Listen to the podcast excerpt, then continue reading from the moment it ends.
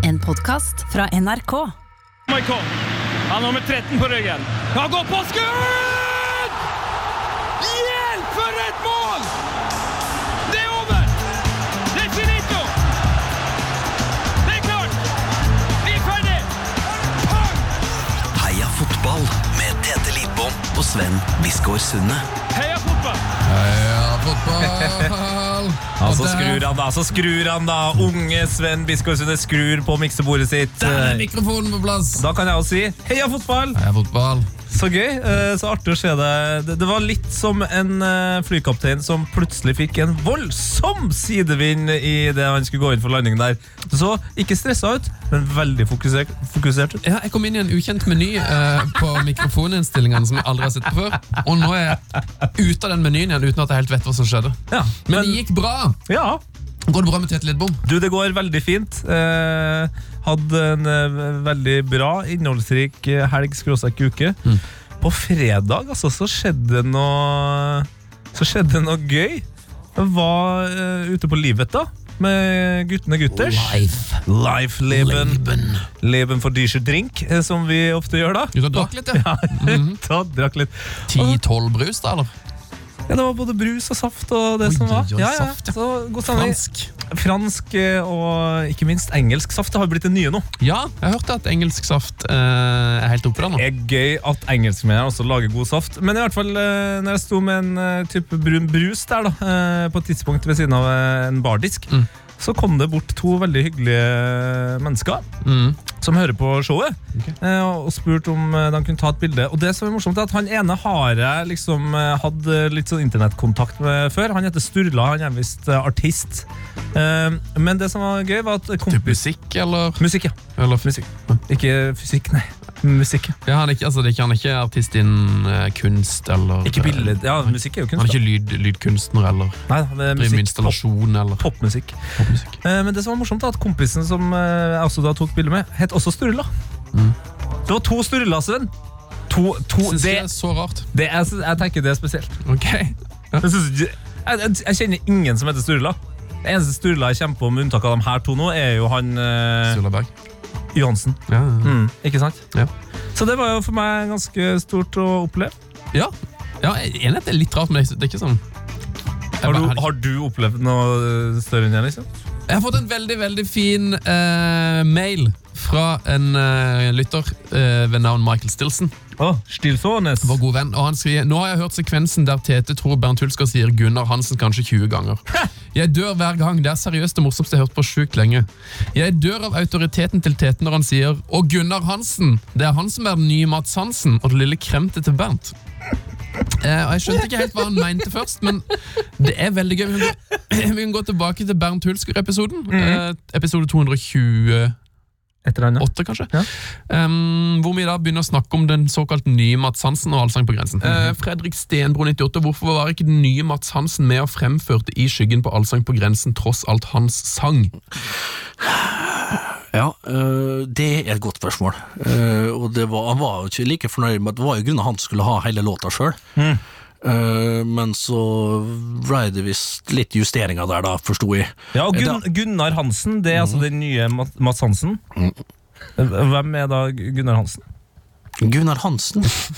Det Mats Gunnar Hansen. Det er noe, jeg henger ikke med, for å være helt ærlig. Å nei, jeg trodde du sa Gunnar Hansen skulle egentlig vært med siden han var hans låt. Men Sa jeg det? Ja, det var det jeg hørte. Ja, Sa jeg det, sant? Nei, det tror jeg ikke. Ja, men sa jeg det, Tete? ja det var det, det, det, det Ja, men jeg hørte. Nå altså- blir jo jeg usikker. Ja, men det kan godt hende hva jeg sa. Men Gunnar Hansen, det kan godt hende det jeg sa.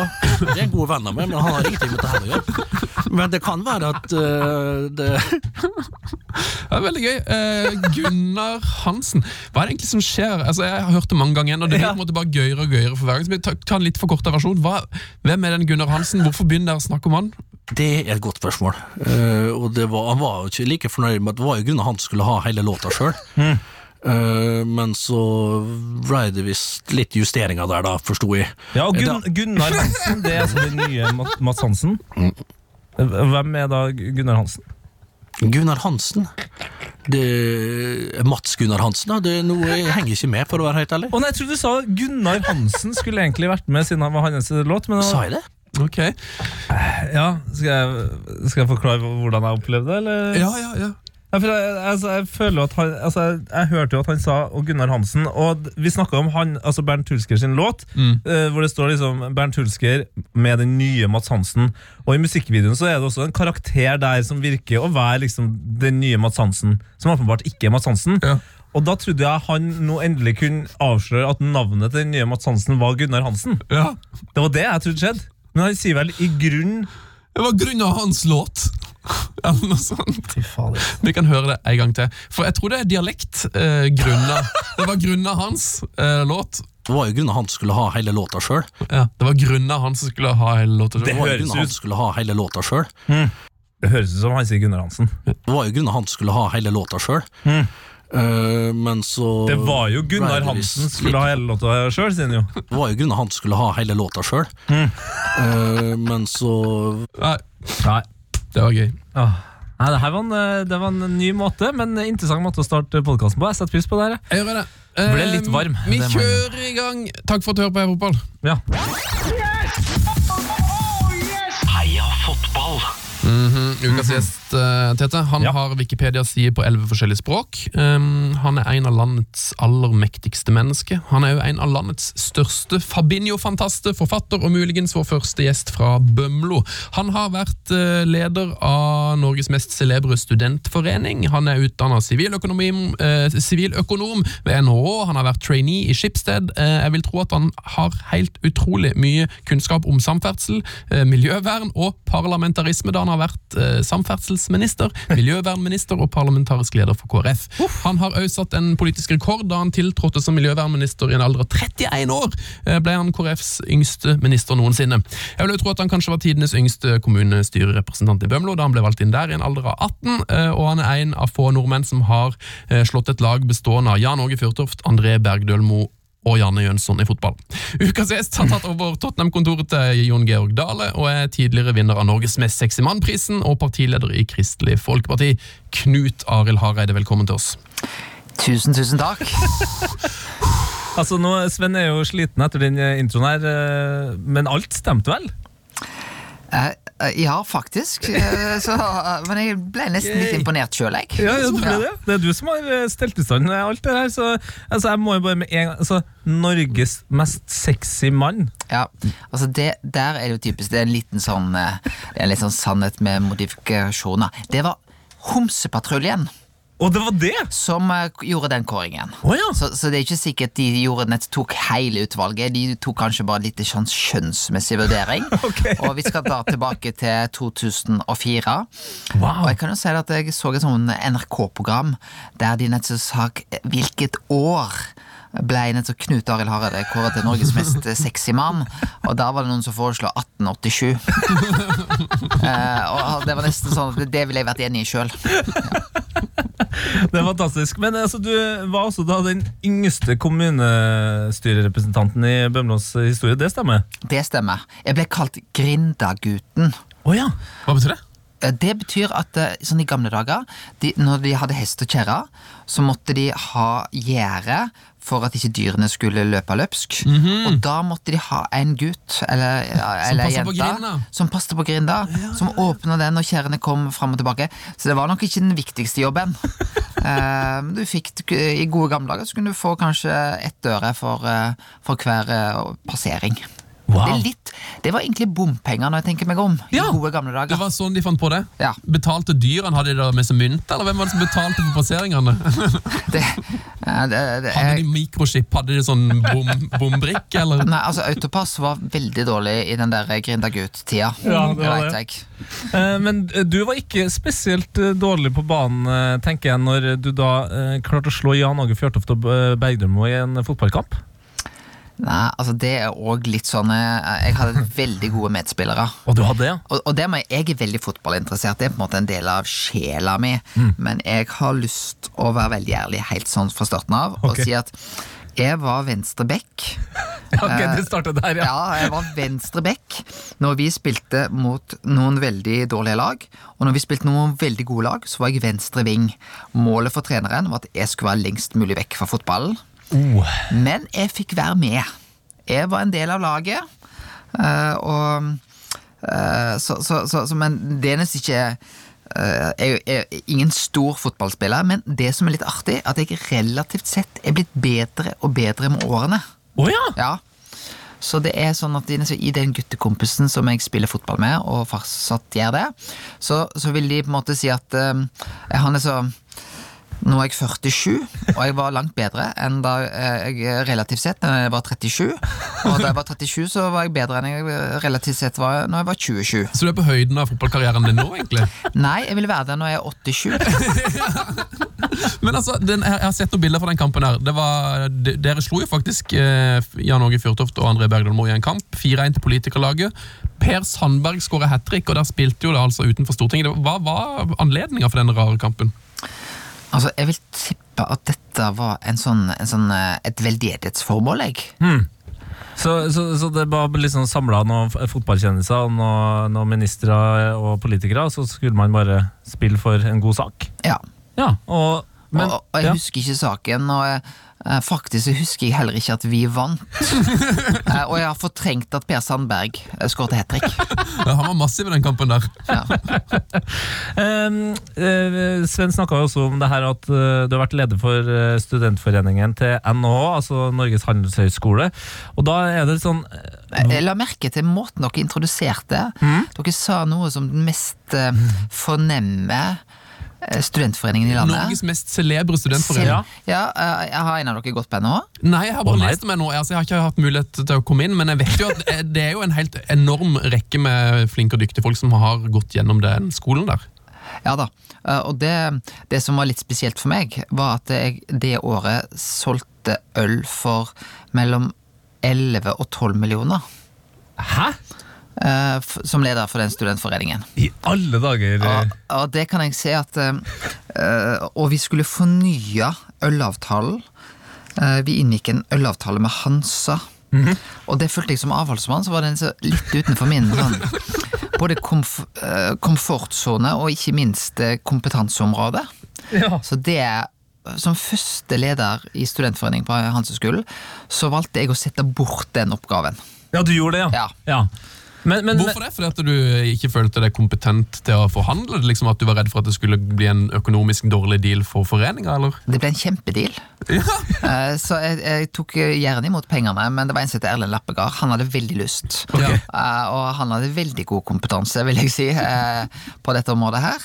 Så han fikk den jobben, og det var egentlig en sånn vinn-vinn. Er det i den baren til studentforeninga der at de har rett og slett et aksjemarked, sånn at ølprisene går opp hvis det er stor pågang, og hvis det er få som handler, så går prisen ned? Ja, det er det som Det er litt mer sånn Aksjemarkedet er sånn at plutselig så tror jeg det ble halv pris, og plutselig så var det en gratis til alle. Ok. Ja. Så Så det eneste eh, varige endringen tror jeg som jeg har gjort på Hanseskolen, var at eh, etter min tid så ble det Du kunne velge om du ville ha en gratis brus eller en gratis øl. Eh, og jeg kan si 99,98 Ikke så mye brus. velger øl. Ja. Så de der 0,02 promillene, de, de sender en takk til meg hver gang. Ja, det, var, det, det er den promillen du har hatt i, i livet, eller? Ja. Ja, men så, du er jo avholdsmann. Altså, eh, har du aldri smakt alkohol? Jo. Du har smakt. Ja, altså, det som skjedde var at når jeg var miljøvernminister, så ble jeg invitert av dronninga med til Sydpolen. Oi! Og det var stas. Halv. Eh, Og så viste det seg at dronninga hadde dratt med seg hvitvinsflaske fra Oslo og til Sydpolen. Og hva gjør du da, Sven? Du kan ikke si nei, da. Da er du nødt til å si ja, tror jeg. Akkurat, og det gjorde jeg òg. Og jeg fortalte dette hjemme til mine foreldre, og jeg skal være så ærlig å si det, min mor der, jeg, jeg trodde jeg skulle få tilgivelse med en gang, for kongehuset står veldig høyt i kurs hjemme hos de. Men jeg fikk beskjed, verken du eller dronninga burde drukke hvitvin på Sydpolen. Ja, jeg tok dette året opp med fylkesmannen min, da, Lars Bonheim, og han sa Knut Arild, det vil gå ganske greit med deg hvis du kun drikker alkohol hver gang du er på Sydpolen. Ja, ikke sant? Men jeg, men det, jeg, det er måtehold, er ikke dere enig med det? jo, det er veldig måtehold, men samtidig så blir jo jeg, eh, som ikke er avholdsmann, jeg, jeg ville ha vært eh, bekymra om mitt første glass med alkohol skulle være på Sydpolen eh, ved siden av dronninga. Altså det, man vet jo ikke hva som skjer.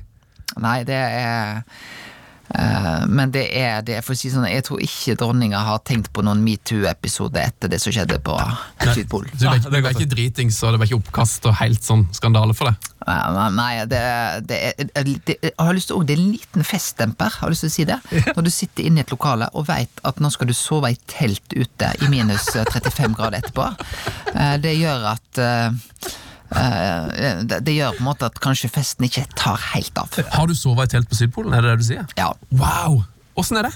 du er helt fantastisk. Shit. Eh, Det er Det er det er nesten Det der når du kan se isen så langt øynene bare ser framover. Eh, og det var òg sånn nydelig vintervær, og det var selvfølgelig veldig kaldt. Eh, men det Altså, det det, det på en måte kan ikke helt beskrives med ord, men det var å, å se stjernehimmelen fra, fra Sydpolen, og det snø, is, ha, havet. Mektig. Fantastisk. Ja, for det her er jo sånn eh, Det er her er, jeg eh, selvfølgelig kunne ha brukt ordet sånn Jeg, jeg- jeg blir nesten religiøs, men for deg blir det, det er jo ikke noe vits å si der, for det, det er du på en måte i utgangspunktet. Så Ja, nei, jeg ble jeg hørte at du mangla litt ord her nå, men Ja, men jeg er veldig trygg på at det var Vår Herre som har lagd til dette på en fin måte. ikke sant? Hvor, eh, hvor stille er det på Sydpolen? Ja, det er jo da eh, det, det, det er jo det, nå, nå bodde vi nesten sammen i en liten telt, så Ja, det blir på en måte ikke sånn helt eh, Men det eh, Det kan være ganske stille på Bømlo òg, egentlig. Så ikke så veldig mye stillere enn hjem. Nei. Eh, det, her Vi må bare snakke litt mer om NHA, siden det er en sånn legendarisk eh, skole. Og Både jeg og Sven har jo sett TV-serien Mammon, og der eh, mente de jo at eh, NHA hadde et sånn hemmelig brorskap, eller et eh, maktnettverk, som hadde en sånn, litt sånn lumsk plan om å, å ta over hele landet og styre alt. Og, og du, du styrer jo en del. Eh, altså Er det noe sånn her hemmelig brorskap eh, på NHA? Ikke som jeg har oppdaga. De har ikke inkludert meg helt da, føler jeg. Eh, Men det er jo en det, det, Jeg trivdes veldig godt, og jeg kan jo si at eh, noen av mine nærmeste venner er den partia jeg har eh, nettopp på Mm. Så, så det betydde mye for meg, og det er en skole jeg absolutt kan eh, anbefale. Selv om eh, jeg skal være så ærlig å si at eh, de hjemme på bedehuset på Bømlo, når de- hørte at jeg gikk på hans eh, så sa de ja, ja, vi skal be for deg, Knut Arild. Ja, for det er en del festing og, tjo og hei der. Ja, men jeg tror det var litt mer mammonperspektivet De Ja. på bedehuset var litt bekymra for. Ja, det var det. er ikke alt i denne verden som skal måles i kroner og øre. Det er helt sant. Og, men det er òg eh, De som går på Handelshøyskolen, syns jeg har et veldig sånn godt perspektiv på det. Fordi at de er gode på å ja, se på noe av de, de viktige tingene i livet. Eh, så det er ei fantastisk tid. Anbefaler alle studiet i Bergen. Eh, Lytterspørsmål fra Daniel som spør Hvilken politiker er mest lik en fotballspiller? Eh, Være seg væremåte, holdninger, fysikk, utseende osv. Eh, har har du noe godt svar på det? Noen som du tenker sånn Han der kunne klart seg bra som fotballspiller, rent sånn fysisk og eh, har fotballspillersveisen, liksom. Ja, altså jeg føler Bjørnar Moxnes er kanskje det nærmeste jeg tenker på med en gang. Det han det jeg skrevet ned òg! Ja, altså Han har jo denne litt sånn kule sveisen, uh, og, og uh, Men hvem skulle Altså, jeg synes det, det, det er på en måte å si at han er David Beckham, det syns jeg er å trekke det litt for langt. Ja. Men um, Jeg ser også for meg Siv Jensen kunne vært en bra midtbaneterrier. Og Ja. styrt laget der. Det er, eh, Siv Jensen er en god kaptein. Ja, en kaptein, men blanda med litt sånn Gat- Gattusso-evner der. Litt hissig på grøten. Ja, hun kjører på helt til hun får det som hun vil. Sandberg, da. du, eh, Eller har du nesten glemt at du har spilt med han? Så vet du åssen spillertype han er, eller? Nei, men jeg tror Per han har spilt fotball når han var yngre, så det var helt tydelig at det lå noe så latent eh, i han. Eh, og så er jo eh, Men den, den som på en måte er mest sånn ekte fotballmann, det er jo Jon Georg Dale. Ja, det han, ja. Måte, altså det å ha sesongkort uh, på, for Tottenham mens Ja. du er statsråd, uh, det det er en kombinasjon som jeg aldri før har hørt om. Nei, da, da er du god på planlegging og prioriteringer, tenker jeg. Ja. Ellers er du bare støttemedlem, for det må være ganske begrensa hvor mange kamper du, du rekker å gjøre. Eh, Vi har fått veldig mange gode lytterspørsmål, bl.a. blant annet et fra Marius Frøyen. Hvilken Hareide hadde gjort den beste jobben? Knut Arild som landslagssjef i Danmark, eller Åge Hareide som rikspolitiker? Altså, Jeg har litt tro på meg sjøl som eh, landslagstrener, egentlig. Det må jeg bare si. Eh, Men det er fordi det, det, altså, det er det ene jobb jeg har sett for meg, så er det at jeg kunne vært en god fotballtrener. Åh, Ja. Så, så hvis du spør meg altså, hva favorittjobben min altså, Jeg var veldig misunnelig på Tor Røsteforsten, som måte var eh, den landslagstreneren som jeg vokste opp med. Som liksom var Uh, det, så, så det var en jobb jeg har tenkt av. Men jeg har jo heia veldig Og jeg kan jo si det, da, når jeg traff eh, min danske kollega, så var det jo ikke vanskelig Han husker jo navnet mitt med en gang. Ja. Eh, Så, så den danske transportministeren Han visste at eh, Hareide nå er dansk landslagstrener og, dansk, eh, og norsk samferdselsminister. ja, ikke sant? Så jeg han- hadde en sånn vinn-vinn der. Heter han Lagerbäck eller Drill, eller noe sånt? han da? Nei, han, han burde hete Morten Olsen. Ja, han burde hete Morten Olsen. Men det, det som er bra for deg, da du er 47 år nå, som du sier. Eh, du piker jo som fotballspiller da, i rundt 87. Så, og nå er det sånn, Du ser i USA, politikerne blir bare gamle og gamlere. Eh, så når du er sånn etter 87 der, da kan du bli landslagstrener. Ja. Som 90-åring. For da har du pika som fotballmessig, og da skal du legge opp som fotballspiller. Så hun bli landslagstrener. Det, det må jo gå Altså Når Joe Biden og Trump skal styre dette uh, om et halvt år, Ja. så bør absolutt 90-åra være noe for meg. Ja. Men for å altså, ta, ta, det, ta spørsmålet litt på alvor, da. Altså, er, der er jo sikkert en god del sånn likhetstrekk mellom det å lede et fotballag og det å lede et parti, eller det å være minister. For det, du må jo på en måte Du må kan- ja. Altså, du, altså eh, sant, Jeg er jo veldig opptatt av Klopp nå. Hvordan han har skapt dette laget. Den entusiasmen han har fått til. Eh, Det var jo bare synd at ikke han kom til Liverpool litt tidligere, og jeg kunne lært litt av han da jeg leda KrF. Eh, For det, det er jo nesten hvordan han på en måte Tenk på For jeg tror hva er det viktige som politisk leder, og egentlig også som fotballeder, det er jo å skape en stolthet. Få folket med deg. Uh, og der eh, tenker jeg at uh, jeg, jeg er egentlig veldig Altså jeg syns egentlig både Pep Guardiola, uh, Klopp og Ole Gunnar Solskjær er eh, de, de er veldig bevisste seg som ledere og hvordan de greier. Eh, og tenk på de tre personene òg.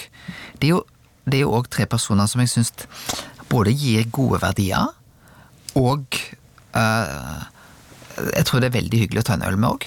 Ja, ikke sant? Ja. Ja. Eller brus for ditt. Ja, for eh, brus for meg, da. Ja, ja. Ja. Ja, men, ja, men jeg, jeg- skjønner det, men det er litt sånn Når du er Når du, skal, når du leder et parti altså, og I hvert fall du da som er liksom fotballinteressert Ser du, Når du sitter i et møte, da, lukker du øynene og så er det bare sånn Tenk fotballgarderoben her nå. Nå skal jeg, nå skal jeg gi hun følelsen av å være den viktigste høyrebacken.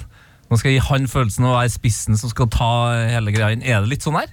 Ja, Kanskje ikke akkurat i møte, for da blir det liksom, hvis du reiser deg opp og gir en sånn glødende tale der, så kan det virke litt rart i et møte. Men når du står på en talerstol og på en måte snakker ut til folket, et landsmøte, så kan jo du gi litt av den samme opplevelsen og fortelle at uten KrF så ville det Norge sett helt annerledes ut. Ja, har dere jo litt sånn Dere har jo på en måte litt sånn talentspeider og sånn. For du- når du som leder, hvis dere har et supertalent som kommer opp som er liksom 17-18 år, som blir valgt inn i kommunestyret i en eller annen plass i Norge, da. eh, Da får vel du vite om det, at liksom her er det en spesiell politiker som kanskje kan være eh, KrFs neste ledestjerne om 10-15 år. Ja, det tenker vi. Jeg jeg skal være så ærlig å si at vi har ikke lagt så mange sånne kontrakter på 200 millioner på for mange, men, men Takk eh, vi, vi, vi er på et litt billigere nivå. Ja. Men, men det er jo litt av den samme tenkningen. Se hvem er, hvem er det da? Så har jo vi ofte Altså partiene, så er det ofte at de velger litt partiet, men da handler det om å ta vare på de. Ja. Så vi får på en måte en veldig sånn talentfabrikk som kommer til oss, og så må vi utvikle de. Ja, ehm, altså Du var jo da eh, 31 år gammel når du ble minister for 16 år siden. Eh, og Da tenker jo jeg med en gang tilbake på liksom Martin 15, altså da eh, Ødegaard slo gjennom. Jeg tenker på Braut Haaland nå, som eh, altså bare plutselig er der. Altså, Hvordan var det å være liksom ung og bare få så mye ansvar? Eh, Det var eh, på et vis veldig overveldende. Ja. Eh, og det jeg tror jeg Altså når du kommer inn i statsrådsjobber Men det, det er egentlig overveldende òg når jeg kom inn og jeg er 47. Eh, og det tror jeg det er nesten samme hvem det er, og du kjenner på det ansvaret. Eh, men jeg opplever jo, eh, og det kan jeg si, at det er en stor fordel når jeg kommer inn for andre gang. For da har du en erfaring med deg. Og det ser du òg Eh, og, det du opplever òg, som er ganske likt med fotball og politikere, det er litt faktisk det å ha sjøltilliten. Og, det er jo veldig rart, hvis du følger på en måte min karriere, da. Så, så, eh, så, så jeg ble i 2015 kåra til valgkampvinner. Og så i 2017 så ble jeg kåra til Tåkefyrsten. ja, det Og det var altså to år etter at jeg ble kåret til valgkampvinner. Og så kom høsten 2018, da veldig mange opplevde at jeg nesten var litt tilbake i form igjen. Og ja, det handler jo litt om sjøltillit. Det handler jo litt om hvordan du At du kommer inn i et spor som du merker at du har en melodi som fenger, eller det motsatte. De svarene du kommer, de holder ikke. Og det er jo Og det er jo interessant å se, se fotballspillere som på en måte Ja, eh, både eh, eh, lykkes i enkelte lag, og så bli- blir de en eh, fiasko, og så blir de solgt videre, og så lykkes de likevel. Sant? Ja, ja, ja. Eh, og det, det tror jeg er Og sånn er politikken nå. Ja, og jeg kjenner jo noe som fotballfan og en person som følger med på politikk, at det er kanskje litt vanskelig for oss folka av og til å huske på at dere eh, er mennesker. Eh, Og, og akkurat som med fotballspillere, politikerne, så er jeg sånn ja, men Kan du bare begynne å levere igjen, da, Knut? Du var jo så god i stad. Hva er det som skjer? At vi, vi glemmer litt at det er jo et menneske som har sine opp- og nedturer som alle andre. Ja, og det må på en måte livet må gå ja, må være en helhet, og du må kunne levere på det. Så tror jeg òg eh, fotballspillere òg det, det merker du. Du ser jo at eh, etter en fotballkamp så ser du at fotballspillerne snakker jo ganske godt sammen med hverandre, selv om de har spilt mot hverandre. Det er veldig sjelden de er sånn skikkelig Selvfølgelig av og til, Yes. men det er òg blant politikere. De har et godt forhold.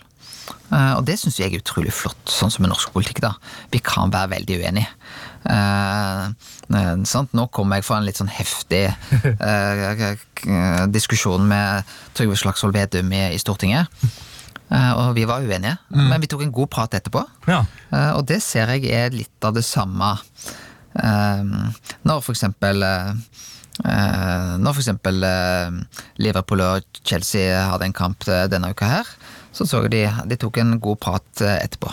Ja, er det litt sånn når dere har hatt en eh, debatt eh, at dere på en måte er, At du sier sånn ah, det var, oh, Jeg så ikke det argumentet komme, og den, den, det argumentet presenterte du veldig bra. Og det er liksom sånn, I dag var du, var du framme i skoene. Snakker dere om sånn debattekniske ting òg? Ja, Yes!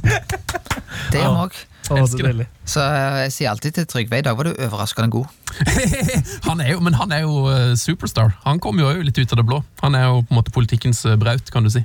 Ja, og, det er, og det har jeg lyst til å si når du snakker om uh, Braut Haaland der. Mm. Jeg føler jeg kunne vært far til Braut Haaland.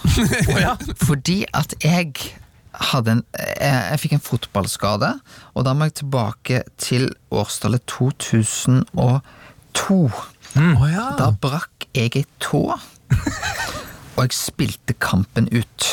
Nei, gjorde du det? Ja, og så uh, måtte jeg liksom Men jeg måtte få ordna denne tåa, så jeg dro til Volvat medisinske senter.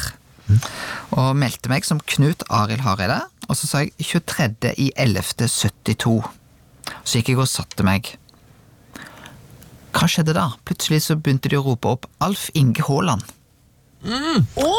Alf Inge Haaland, kan du komme til resepsjonen? Og så var det ingen som, eh, som Og så så jeg at det ble færre og færre folk, og til slutt var jeg den eneste igjen. Med mi brekte tå. Så gikk jeg bort og så sa ja, vi har ropt opp deg, sier de. Og da viste det seg at Alf Inge Haaland er født 23. i 11.72. Og jeg kan jo da si, han må ha vært kunde på Volvat medisinske senter. Wow! Fordi at de, de hadde ikke fått med seg navnet mitt, men de har fått med seg fødselsdatoen min, og jeg har bursdag på samme dato som Alf Inge Haaland. Wow! Ja. Altså, jeg må bare plukke opp pakka mi her. Wow! Vi Var dette her, var dette her Så jeg kunne vært pappa til Erling ja, Haaland. Herlig fred. Altså, men uh, Betyr det at det var den velkjente skaden hans òg? Den Roy Keane-skaden som han skulle ha for behandling for, kanskje? Eh, nei, uh, den var faktisk på det ja, Det kan Det jo være at det er Volvat som har ordna ja, At vi er akkurat i samme tidsrom. Er Jeg vil nok si at dag. min skade var betydelig enklere. Ja, det kan være hvis det var en brekt tå. Wow. Men det der var imponerende fun fact. Altså. Eh, Du har jo også nylig tatt over kontoret til Jon Georg Dale, som vi har snakka om tidligere, fra Frp. Også Tottenham-fan. Eh, Og han var her eh, i episode 119, faktisk, i 2017. Er det noe spor av Tottenham på kontoret? Jeg har leita veldig. Og jeg er litt skuffa. Jeg vet ikke om jeg har lagt igjen noe. Uh, så, så, så faktisk var jeg innom Roy Steffensen, eh, stortingsrepresentant for Fremskrittspartiet, som òg er veldig Tottenham-fan, og lurte på om han hadde en liten sånn Tottenham-effekt som jeg, vi kunne legge Og så kunne jeg så ta med meg inn på kontoret igjen og så late som. Men, men uh, Jon Georg han har vært altfor høflig. Han har det. Ja. Så det er Eller eh, For det er jo en fotballhistorie der. For jeg tror når, eh, jeg tror når Arsenal, sin, eh, Arsenal sin stadion ble bygd, så var det, Ja. den er, det er jo oppe i Nord-London. Da var det mange Tottenham-fans som var liksom med og bygde stadion. Så jeg tror at i sementen der så ligger der Tottenham-drakter i Arsenals bane.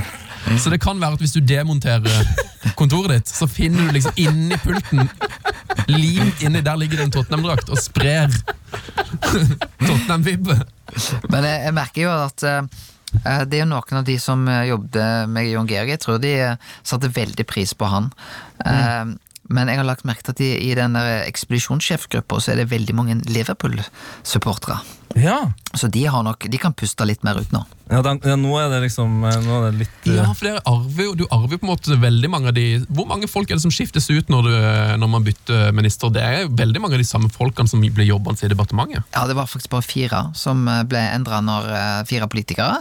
Og så sitter det igjen eh, 170 veldig dyktige personer. Wow! Ja. Ja, så det, Og de skifter ikke fotballag, Nei. selv om det kommer ny statsråd. Nei, de, men de skifter vel heller ikke Eller de har kanskje ikke noe politisk tilhørighet, de som jobber i departementet? Nei, de, de er det på en måte minst politiske på et vis, men de har jo sitt eh, engasjement for de saksområdene, og de er utrolig dyktige.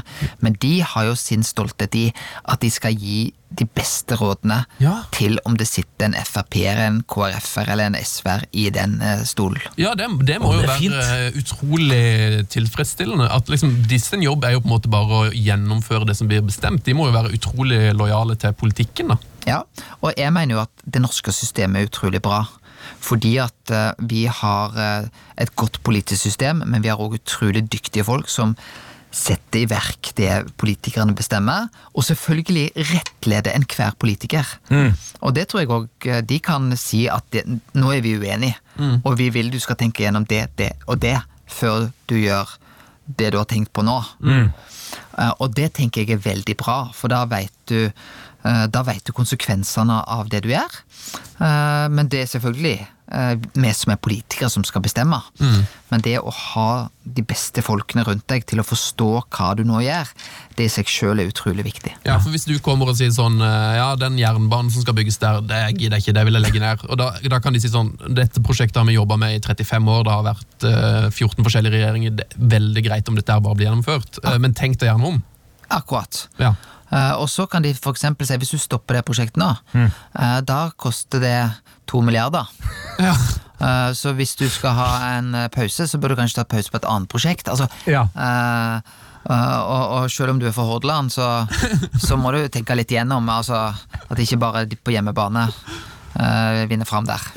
Um, Det gjør det jo veldig godt rustet til å bli fotballmanager, tenker jeg. med at, Ja. dette, at du, har, uh, du har på en måte erfaring med enormt store budsjetter. og liksom, du, blir, du blir ikke skremt av en prislapp på en milliard som kanskje en vanlig fyr ville blitt. da. Jeg, jeg blir ikke skremt av en overskridelse på en milliard engang.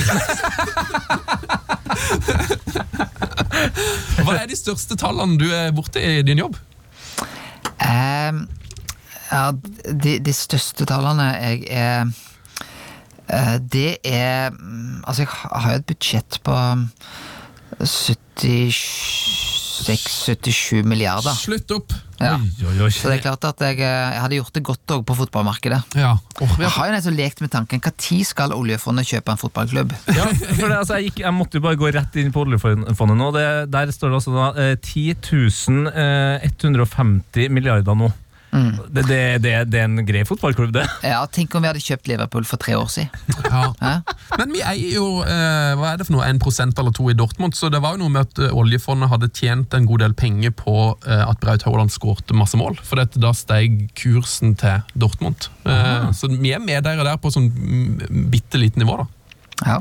Spennende. Jeg håper ikke vi eier City etter at de Nei, der er nå blir utstengt. Ja, men tror du det blir utestengt, da? Du, jeg, det er sant, De har fått to års utestengelse. All min sånn ryggmargsrefleks kommer til å si det kommer til å bli ett år. Ja? Ja, Fordi at det blir nesten for snilt å si ingen år, og bare masse penger å betale og sånt. Det blir for snilt. Og to år er, Og det er veldig stor forskjell på City å få ett år eller to år. ja. For da, er det nesten, da vil de tenke ja, men vi holder ut eh, det, Får de to år, så, så vil på en måte, selv om alle sier de skal bli, så vil det bety mye. Og jeg tror òg Guardiola og, og eh, en del av de spillerne som, som sitter og tenker de to neste årene er på en måte de viktigste, men ett år takler jeg veldig. Mm. Eh, vi har fått et lite spørsmål fra Lars eh, Frøsland, eh, Frosland som heter på Twitter. Hva er det heftigste han har droppa eller sneket seg litt unna for å få med seg en kamp? Altså, jeg har hatt det, det kan jeg huske første gang jeg fikk opp en TV-kamp på mobilen min. Ja. Det var en damelandskamp. Og jeg husker ikke helt nøyaktig årstid, men det er enten i 2003 eller i 2004. ja. Og da husker jeg at det skjedde under et gruppemøte. Og jeg satt og så på den, og så husker jeg at Kjell Magne Bondevik oppdaga dette. Og jeg var nesten så klar, nå får jeg litt sånn skjenn. Men det han gjorde, han bare stakk av med mobilen, og så så han kampen sjøl. Så det var, og det var nesten, det, Dette var såpass nylig sant, se fotball på, på mobilen det er jo helt vanlig nå, men, men nå er vi altså tilbake 16-17-18 år i tid. Ja, ja, ja. Og da var dette faktisk eh, Så Kjell Magne visste ikke at det gikk an. Nei, jeg elsker jo også at Måten du la det fram på nå, var mer sånn at du bare Du innså at det var mulig, og derfor skrudde du på telefonen, og der var det en kamp, og den skulle skje. Det var litt sånn Ja, ja men det, det var, Dette var en viktig kamp, så, så det var en viktig landskamp for damelandslaget. Men jeg husker ikke, ikke helt nøyaktig, og det kan jo være fordi jeg bare fikk se fem minutter, og Kjell Magne fikk se 85 minutter. Eh, Lytterspørsmål fra Marius Fla, eller Marius Sæter Flå, som han heter. Eh, nysgjerrig på hans egen karriere. Eh, altså, vi hørte jo litt om at du hadde spilt eh, wing og back, men hvilken klubb spilte du i? Ja. Eh, hvor lenge spilte du fotball? Hva var din største bragd som spiller? Eh, n- dette kan vi gjøre ganske kort. Men jeg spilte på Rubbestadneset. Rubbestadneset? Ja. Og jeg begynte uh, som da uh, eh, det vi heller knottespiller. Ja, knottespiller. ja. Og så var jeg lilleputt, og så var jeg smågutt, og så var jeg gutt. Og så gav jeg meg som guttespiller. Der var jeg på en måte alternativet på en måte sånn eh, junior, eh, og deretter A-laget på Rubbestadneset. Eh, så så mm, jeg, jeg var liksom med for å være med i gjengen, eh, og for at vi skulle få fullt lag. Eh, Ja, såpass små kår, ja. ja, og jeg kan jo si at andre sesong som knottespiller, så vant vi serien på Bømlo. Se der, ja! ja. Uh, og det var eh, av sånn litt sorgopplevelse at vi aldri spilte Norway Cup når jeg vokste opp på Rubbestadneset. Det har vi gjort senere, så det er veldig bra, men jeg har aldri fått med meg uh, Norway Cup. Uh, av, altså sånn merittet på fotballbanen Eh, jeg, jeg, jeg tror jeg har um, totalmål, vil jeg anslå, mellom 15 og 20. Å ja! Uh, ja, nå har jeg snakket om hele karrieren. ja. Men, men jeg var redd for at du skulle si ett eller to nå, så det Ja. jeg 15 og 20 er bra. Ja, eh, I én kamp kan jeg huske at jeg skårte to mål, og vi vant 6-2. Men mitt beste minne er likevel hvordan uh, fotballtreneren min, Harald Mæland, som dessverre har gått bort Det jeg kunne se, det var når jeg, Frode Kvarven, han skårte i hver kamp. Og så det å se Harald Mæland, hvordan han jubla når jeg skårte. Det tror jeg Da følte han hadde lykkes som trener. Eh, Når den litt, litt da, da kan du se for meg hvordan jeg var som 20-åring på fotballbanen. Det var ikke det mest robuste. Nei, det er veldig lett å se for seg. Ja. Eh, Og når da jeg nådde fram til ballen, og det var ikke en sånn i vinkel heller. Ja, Den gikk en markkryper. Gikk inn. Eh, Den gikk under keeper, akkurat, og den gikk sakte, men sikkert over streken. Men, eh, og det tenker jeg på i ettertid. Altså, se hvordan da eh, fotballtreneren jubla, nettopp fordi det var meg som skårte. Åh, det er fantastisk. Eh, noe annet som er fantastisk, er det lyttespørsmålet jeg har fått fra Andreas eh, Monsen 2 på Twitter. Hallo, Andreas. Hallo, Andreas. Han skriver her Spilt mot Knut Arild Harde i en bedriftskamp for mange år siden. Ble grisetaklet av mannen selv, før han så lente seg ned og sa unnskyld. Ti minutter senere gjorde han det samme igjen! Topp ti mest provoserende øyeblikk på banen. Eh, Bortsett fra det var han en gentleman. Så eh, er du, er du Har du begynt å bli litt sånn knallhard på banen, eh, Knut Arild? Nei, altså, men jeg må innrømme det at eh, kan faktisk bli Altså, jeg tar ut litt aggresjon på fotballbanen. Ja. Uh, men typisk da, når jeg har jo tatt to taklinger på, på samme person med ti minutter mellomrom, så tyder det på at jeg, han er veldig kjappe. Så dette er en kjapping, uh, og jeg er litt for treig. Så, så fordi at jeg tror hvis jeg takler en veldig stygt, så vil jeg tenke meg veldig om. Da er det fordi at jeg rett og slett har vært for treig. Og så det er jo en heder til den som har sendt ja. dette. Det er et kompliment til hans hurtighet. Ja. Eh, Bård Ersnes eh, sender ofte inn lytterspørsmål til oss. Eh, Batmeyer kaller han seg på Twitter. Hvem i denne Liverpool-stallen vil han helst sett som statsministerkandidat? Altså, jeg tror Klopp hadde vært naturlig der. Jeg tror Ja. et, det er Sier seg litt sjøl, kanskje. ja. Ja, altså jeg tror på en måte det, det som er, Jeg tror han har alt med seg. Nå, nå har jo vi sett Men kanskje, kanskje ikke i Norge, eller er han litt for, er han litt for røff for norsk politikk? Eller? for rå, liksom? Nei, jeg tror han hadde slått veldig godt an. Ja, tror du? Ja. Jeg tror han kunne lede både Høyre, KrF og Arbeiderpartiet. Samtidig? Ja, samtidig. Ja, samtidig. Ja, så gøy. Ja. Eh, men men eh, hvis vi skal gå på fotballspillerne der eh, Så ville jeg eh, tenkt eh, Jordan Henderson. Ja. Ja. Altså han er jo litt sånn altså, Vi kjenner jo på det veldig, vi i Liverpool, eh, når han- er borte noen uker. Du ser hvordan det har gått.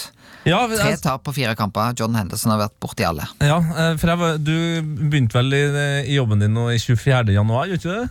Stemmer. Ja, det har ikke gått sånn, så jeg tenkte kanskje det var det at du satt på det her Tottenham-kontoret med en eller annen lurt Tottenham-effekt inni, fordi Tottenham og Liverpool har jo tapt tre kamper på rad sammen her nå. Så, men du, det er Jordan Henderson som er borte, som er det store problemet, altså. Altså Jeg tror jo Jordan Henderson er jo eh, For å si sånn, Han står sterkere enn noen gang i Liverpool akkurat nå. Mm. Fordi han har jo vært borte i den, den korte perioden. Men nå snur jo alt snart likevel.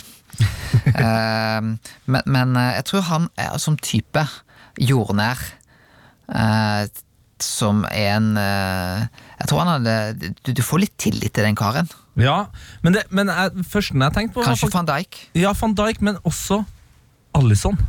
Ja. For han har et så utrolig sånn hyggelig utseende. Han har en sånn jeg, jeg, jeg, som ikke er Liverpool-fan, blir rolig av å se på, på Mm. Han virker liksom så Stabil. Ja, Så tar han av, og så har han et kors på T-skjorte under òg, vet du. ikke sant? Så Ja. han, altså, Han er jo KrF-er, føler jeg. ja, det, det er jo ingen tvil. Han har jo døpt halve laget. Eh, det har han jo også gjort. Han har døpt flere i 2020 enn han har slippa inn mål. Var det ikke en statistikk på det? Ja, Firmino ble døpt nå for noen uker siden. Ja, og så har han døpt flere vet ikke om som ikke er Liverpool-spillere, men han, så han er rett og slett Men mm, Det kommer vel litt an på hvilken religion, religion du er i, men må han være prest for å døpe folk? Er han utdanna prest, eller hvordan har det kommet seg til at han får lov til å døpe folk? vet du det? Vi er ganske fleksible på det, vi kristne. Ja, det blir det. Så det er Så det Har du å lyst til å ha lov? Eh, Ja. Så, så og for å si det sånn, jeg tror, det er mange, jeg tror det er veldig mange som hadde stilt opp og sagt nå er jeg klar for å bli døpt, hvis det Ellison hadde kommet til Norge. Det er en 40 000-50 000 Liverpool-supportere jeg, som hadde latt seg døpe. da Det, kan være en bra strategi. Um, hvor glad er du i Fabinho? For Vi har jo snakka med vår gode venn Jappen, altså Jan Petter Saltvedt i, i Sporten, og, um, som tipsa oss om at, du, at når dere møttes, så måtte dere diskutere litt Fabinho. At, at du rett og slett var stor fan av han. ja. Jeg, jeg synes jo, nå han, han hadde jo et skadeavbrekk, og så har han kommet tilbake til Han har ikke vært det samme etter han kom Ikke verdens beste form. Nei, eh, men, men jeg må jo si at den elegansen i Og det, eh, det er jo eh, Så, så, så, så, eh, Han minner meg jo litt om Tom Lund. Ja. Så derfor så er på en måte det det store fotballforbildet meg var jo Tom Lund altså, oppveksten. Og Fabinho har jo noe av det samme. Hvorfor, hvorfor falt du for Tom Lund? Er ikke det feil geografisk? Jo, det er helt feil. Eh, så det er uh, Da han var best, og da ble det han? Uh, ja, og så var sant, måten han eh, landslaget på eh, og, og det var jo Ja, Tom Lund han var feil lag, men vi følger jo alle med Lillestrøm eh, i disse dager her. Så, så, så, men alle likte jo Tom Lund som spiller. Ja han, han forent på en måte fotballfans på den Ja, tida. Han var større enn Lillestrøm, vet du. Ja, ikke sant. Eh, og det er jo, eh, Apropos det her med Fabinho igjen, så er det jo en som heter Ja, det er jo Lars Frø, Frøsland igjen, da, som eh, skrev en tweet eh, 25. januar. Hareide inn i regjering minner meg litt om Fabinho inn på midten. Og da svarte jo han det er det fineste som er sagt om meg noen gang. så det er, det er liksom tidenes kompliment, der. Ja, det syns jeg var Det var for mye sagt. Og så kan det jo være at Larsen også var tilbake. Ja, Som Fambinho så er ikke heller Knut Arild i helt stor form for tida. Nei, altså Fabinho ble jo rundlurt i, i går av en 18 år gammel eh, Billy. Eh, så du får passe deg for de yngste på, på tinget nå. Ja. Så det ikke blir finta helt uh, ut. Eh, du er jo en mann som er sterk i trua. Eh, det har jo Liverpool-supportere vært eh, over lang tid, ja, nærmest sagt i 30 år. Men uh, uansett, folk blir nervøse. Men kan du gi oss svaret som ingen andre Liverpool-supportere tør å svare på? Vinn Liverpool-serien. Ja. Ja. Og det, det er ingen frykt for at eh, koronaviruset skal stoppe uh, Premier League. Eh, altså Om koronaviruset stopper Premier League, så vil likevel de måtte gi Liverpool seriegullet. Ja. For det er så klart men, men, er jo, sant, men det er jo litt det med, med Liverpool-supporterne. Vi er jo mer sånn Blir det poengrekord? Ah, nå er jeg ikke så sikker. Nei, ikke sant? Eh, og det er klart at vi skal ha en kamp mot eh, Atletico Madrid. Mm. Og vi er litt mer spente enn en godt det, etter å ha tapt eh, 1-0 på bortebane. Ja, for det, Det, altså Ett mål til Atletico, så må Liverpool ha tre. ja, og, og det er liksom jeg, jeg følte at, og det tror jeg egentlig gjaldt hele fotballverdenen, at det ettmålstapet det var liksom ikke så stress, men med tanke på de to kampene som har vært etter, så blir kanskje spenninga litt mer når man taper 3-0 mot uh, Watford og så ryker i, i cupen mot Chelsea. Ja, og det kan jo være at, eh, at sant, fjorårssesongen for City Mm. Den ble jo litt sånn, ja, de tok seriegullet, uh, men uh, ett poeng foran Liverpool. Uh, og, men så på grunn av det som skjedde med Liverpool, og corneren til Trent Alexander Arnold på mot Barcelona Ja, ja, ja. Det gjorde jo at den sesongen ble jo et supersesong. Ja. Og det kan jo være at selv om vi vinner seriegullet, så sitter vi litt mer skuffa igjen, faktisk, i 2020. Ja, at man, ja, for at man har starta så bra, men avslutter liksom eh, på en dalende kurve. Ja, og, og hvordan går det i Champions League? Og, Mm. så det, og det er òg en sånn litt sånn parentes opp mot eh, politikken. Ja. Fordi at det er jo litt sånn eh, Som jeg sa, jeg møtte eh, Trygve Slagsvold Vedum i dag, og han opplever det at han har jo gått tilbake på målingene. Ja, Men han er fortsatt på over 15 ja, ja. ja, ja. Mm. Eh, og det er jo eh, Jeg tror ikke han er spesielt skuffa. Nei, det, er, det er veldig bra for Men, men likevel så er det tilbakegang, og det viser jo at meningsmålingene de påvirker alle. Men har du hatt mange dårlige, så får du så oftest noen gode. Så forventningsnivået betyr utrolig, både i politikken og i fotballen. Men uh, dette her, altså det er jo blitt skrevet om at eh, det er jo en, en reell sjanse for at dette koronaviruset vil gjøre at det vil bli masse masse kansellerte fotballkamper. Eh, og som da kan faktisk i ytterst konsekvens føre til at Liverpool mister seriegullet. Eh, og du er jo politiker og er jo en av de som jobber mest med liksom med hvordan man på en måte skal behandle dette viruset og forholde seg til det. Hva eh, tror du i, i Norge for eksempel, at det kan Hva er det som skal til for at det blir kansellert kamp i Norge? Og det kan vel skje i England at, at serien blir avlyst? Det er jo sånn at når vi vurderer koronaviruset, så må vi ta nettopp hensyn til at worst case kan skje. Og da snakker vi òg i Norge om at eh, ja, en fjerdedel av befolkningen kan bli smitta, f.eks. Men eh, det er vel så at veldig få tror at det er der vi kommer. Men det kan jo være at vi òg i Storbritannia f.eks. utsetter noen runder, må ta noen hensyn i kortere perioder. Men eh, vi har jo hatt erfaringer med SARS-viruset, eh, med svineinfluensa, som òg var noe av det samme type virus. Mm. Men det gikk jo heldigvis bedre enn worst case, selv om vi òg planla for worst case i de eh, situasjonene. Mm.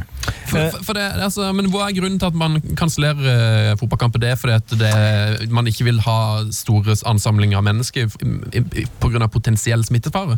Ja, og jeg så eh, de siste dagene så har for eksempel Italia gjort akkurat det. Ja. Eh, og der har jo òg spredningsnivået vært der, men, men i Norge så er det jo sånn at de som er smitta, har vi heldigvis Vi veit hvor smittekilden kommer fra, så vet vi ikke om vi har oversikt over alle som er smitta, men de vi har oversikt over, har vi ganske god kontroll på. Mm. men det er jo sånn at eh, det vi må gjøre, er å vaske hendene. Eh, Vi må ha en mye bedre hygiene enn det vi normalt sett eh, har. Eh, Og det kan jo faktisk gjøre at Sånn som det, Da SARS-viruset kom, så ble jo faktisk den norske befolkning mindre syke det året enn normalt. Fordi at nettopp fordi vi var så gode, Ja. så ble eh, konsekvensene egentlig bedre enn det vi hadde forutsett. Ja, så det er rett og slett Vi har litt for eh, dårlig gjennomsnittlig hygiene til vanlig. Det var vel den britiske helseministeren som kom med et godt forslag til, til engelske mennesker. Det var nemlig det at man skulle vaske hendene over 20 sekunder. Og for å huske på hvor lenge det er, da, på en måte ha kontroll på det, så, så anbefalte han folk å synge til seg sjøl 'Happy Birthday'-sangen. Eh, og det, det, det er jo bra, for altså, jeg har prøvd da, siden jeg leste den saken, å vaske hendene i 20 sekunder, og det er veldig lenge.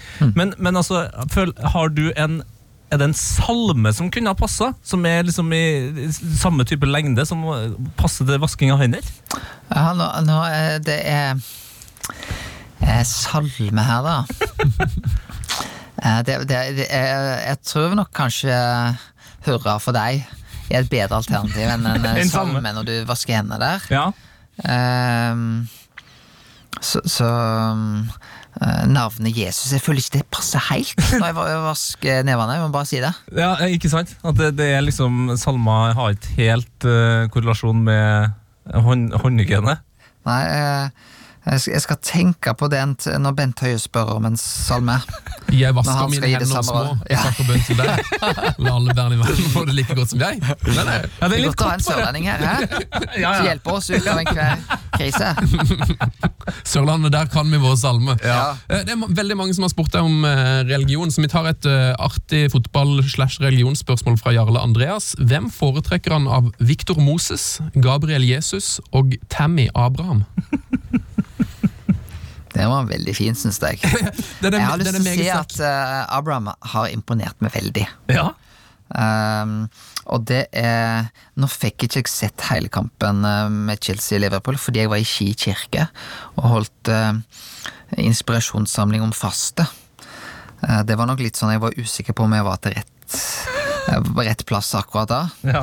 Eh, men, men Abraham har imponert meg, tror jeg. eh, altså, og, det skal jeg være så ærlig å si at eh, eh, Jeg fikk jo en tekstmelding da Liverpool slo City 3-0. eh, og Mohammed Salah skårte, og ikke Gabriel Jesus. Det var jo tydelig at det var 3-0 til Mohammed over Jesus. Eh, så det var Men da tenkte jeg, eh, som paven har sagt, av eh, de eh, viktige tingene som ikke betyr noe, så er, så er så absolutt fotball det viktigste. Jeg kjenner jo godt til Jesus og Moses, men på en måte, hva slags, hva slags rolle er det Abraham har i, i Bibelen? Du, eh, Abraham, han eh, er da han eh, Ifølge Bibelen så ble vel han over 900 år. Oi, oi, oi! Ja, Alle. så Chelsea har gjort et vanvittig godt kjøp. For en investering! Ja. Eh, så, så, så Ja, Moses kommer dårligst ut her, for Jesus har jo kanskje evig liv, så um, ja. Men Abraham 900 år, det er jo en veldig solid karriere, da. Ja. Så, så, så det er, dette handler om eh, Vi skal tilbake til Gamle testamentet. Ok. Uh, og Abraham fikk eh, to sønner. Isak og Esau.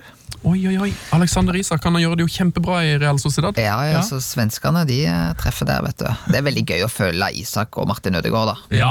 Og det er jo litt sånn, sant, Vi som er litt sånn Premier League, vi kan jo nyte og slappe av med litt eh, Litt spansk. Ja. Ja, ja. Litt spansk og litt uh, tysk fotball nå, ja. Altså, jeg, er litt, jeg, jeg vet ikke om jeg har lov å si det, men jeg er litt lei meg for at TV2 mista Premier League. Det er lov ja. å si. Det er lov å si. Ja, det er godt. Det var godt å få sagt det. Godt å få det ut, ja. Eh, og det er mm, eh, Så da, da er det jo Altså, tenk nå, da. Isak eh, og eh, Martin Ødegaard til Real Madrid. Og tenk om Erling Braut Haaland kommer der òg. ja. Da, da blir det en fest. Da blir det en fest. Ja, da må vi nesten ta en tur til Real Madrid, da. Eh, Ja, når korona er over, så drar vi sammen. Ja, da drar vi sammen. Eh, og du, du drar jo ofte på fotballkamp, du. Eh, og da også sammen med andre. Og på Facebook 26.11.2014 så la du ut et bilde av deg sjøl og Erna Solberg med teksten 'Venter spent på andre omgang. Brann må skåre'. Hvilken kamp var det her? Det var Brann Mjøndal, eller Mjøndal-Brann.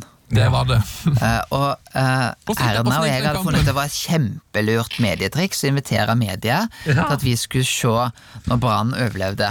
Og det, det ble Altså, det har jo vært mange vanskelige budsjettforhandlinger. Men det har jo, var jo ingenting imot den stemningen som ble når Brann rykte ned. Så, så Det er det var, det var en tung dag. Ja, det kan jeg skjønne. Og da sto der masse journalister hvor, hvor, for, Ja, det var en var elendig idé å invitere journalister når Brann rykker ned. Men vi var så sikre på at dette skulle gå bra. Oh, Eh, Så det var en eh, total feilvurdering av Erna og meg sammen. Hvor er det, er dere hjemme i statsministerboligen? Eller? Da var vi statsministerboligen. Det var det, ja. Ja. Eh, Så det er, jeg føler jeg kan huske minutt for minutt. Og vi, vi begynte jo å forstå hvor dette, hvordan dette gikk òg, vet du. Ja. Ja. Og da følte jeg Erna så på meg. Dette var din idé, Knut Og jeg så mer og mer ned. Og siden har eh, forholdet vært litt vanskelig. Men nå er det bra igjen, da, for nå, eh, nå jobber dere sammen igjen. Ja, Ja, Og vi er enige om at eh, hele Norge bør heie på Brann. Men vi heier på de som ikke helt får det til her i livet. ikke sant? Men, men hvor viktig er fotball for landet vårt? Fotball er jo en flott kultur. Og det er jo noe Jeg tenker noe sånn Det skaper et engasjement. Jeg tror du får tatt ut følelser. Det er, det er noe veldig positivt. Det skaper entusiasme. Eh, og det er jo mye bedre at vi tar ut den type Jeg tror det er en del av vårt behov. Det er jo nydelig spel. Eh, så jeg syns det gir veldig mye energi. Og jeg merker jo at eh, for meg er jo et stor eh, øyeblikk denne våren når eh, gutten min på som nå er fire, eller fire og et halvt, som han sier. Ja, det er veldig viktig å Han skal begynne å spille fotball eh, da. Og vi driver faktisk og vurderer om det er Skeid eller Kjelsås han skal begynne på. Ja. De store valgene i livet. Ja, Vi må avklare det innen eh, mars. Ja. Det lukter jo eh, det- Slutten av mars. Hva er, det som, hva er det som vil bestemme et sånt valg? Er det kun sånne praktiske hensyn som hvor er det lengst å kjøre, eller er det, er, tenker du på Draktfarge, kanskje? sports til, sportslig tilbud? Eh, jeg tror det er det sosiale miljøet Ja. rundt han. Ja, Så enkelt. Mm. Ehm, så det er Men det er veldig flotte fotballklubber, begge to. Så da må du spørre i den Facebook-gruppa i barnehagen hvor skal de andre begynne? og sånn da? Ja. Ja. Og så har vi flytta for ikke så lenge siden, så det er det som har skapt litt eh, Vi trodde han skulle starte på Skeid, og så har vi flytta som gjør at kanskje er det nå Kjelsås, egentlig. Og da får ikke han spille i samme klubb som søskenbarnet, som er ett år eldre. Ja, ikke sant? Eh, fotball er jo helt eh, konge, eh, vi er enige om det. Og noe som eh, har blitt innført nå, eh, det er jo at det åpnes for alkoholservering eh, utenfor vippeområdene på norske stadion. Og det er noe som noen er veldig for, og noen er veldig imot. Så lurer jeg på litt sånn, som avholdsmann, hva, hva er, har, har du noen positive eller negative tanker rundt dette? Ja, jeg tenker alle fotballkamper på Sydpolen bør ha det. og ingen andre er plasser. Jeg er, jeg er åpner litt for det. Uh, nei, altså jeg, jeg har nok ikke likt akkurat den praksisen at du kan ha det på VIP-området og ikke andre plasser. Men jeg er, nå, er veldig opptatt av idrett og alkohol, og at sant, nå er det er det 26. mars. Da skal jo eksempel jeg eh, på landskamp. Og da skal jeg ha med han som er fire og et halvt. Og så skal jeg ha en nevø av meg som er fem og et halvt. Eh, og da er jo jeg opptatt av at da skal det være et trygt område, og jeg syns alkohol i den sfæren er ikke jeg veldig begeistra for, nei. Nei, ikke sant, men, men det er jo et eller annet med at hvis man selger det på stedet, så Uh, det, Tanken er vel også da på samme måte som at man har pub, eh, og, og bare at da har man mer kontroll på det enn at folk skal liksom drikke seg opp hjem, og så komme på stadion i stigende rus. Man kan jo se på, på den måten òg. Ja da, eh, jeg skal ikke eh, Og jeg kan nok ikke Jeg syns det har vært litt spesielt at du har hatt det på VIP-området. Ikke sant? At man Eh, skiller på folk. Ja. Eh, Men jeg er veldig opptatt av at jeg syns jo òg Idrettsforbundet har hatt en veldig god tilnærming til hele Og, og, og så kan du si ja at uh, polakkene er bedre å lage stemning i hoppbakken. uh, men, men vi skal ta vare på den kulturen òg vi har, at vi har en familiekultur eh, på en del av de arrangementene. Og da, da må vi tenke veldig nøye om hva vi, vi gjør knytta til alkohol. Mm. Ja, det blir vel det blir spennende å se, det, for det blir jo neppe sånn at det blir mulig å kjøpe alkohol overalt. Det blir jo sikkert noen avgrensa områder her òg, vil jeg tro, sånn at, det ikke, sånn at det vil bli familietribune, og altså at det blir fortsatt litt atskilt av hvor man, hvor man kan kjøpe og drikke alkohol. Ja, det er vel Abid som Er det han som bestemmer dette? Ja, da får vi ha han som gjest neste uke, da. Så Ja. prate med. Ja, Tipper han ordner det der. Han har jo vært med Eller han ordna jo ikke eh, den her shorts-problematikken, men han har i hvert fall heia veldig på det, så han følger jo med. Eh, vi har masse masse lytterspørsmål uh, til, men vi rekker ikke alle, for jeg vet at du er en veldig busy uh, mann. Knut Arild Hareide. Så vi skal bevege oss videre til en fast spalte som heter Ukas drømmelag.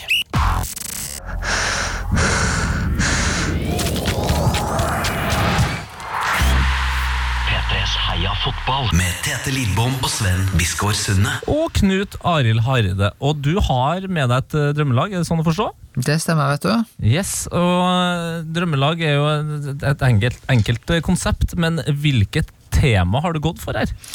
Du, jeg har faktisk øh, gått veldig for uh, mitt hjertespråk.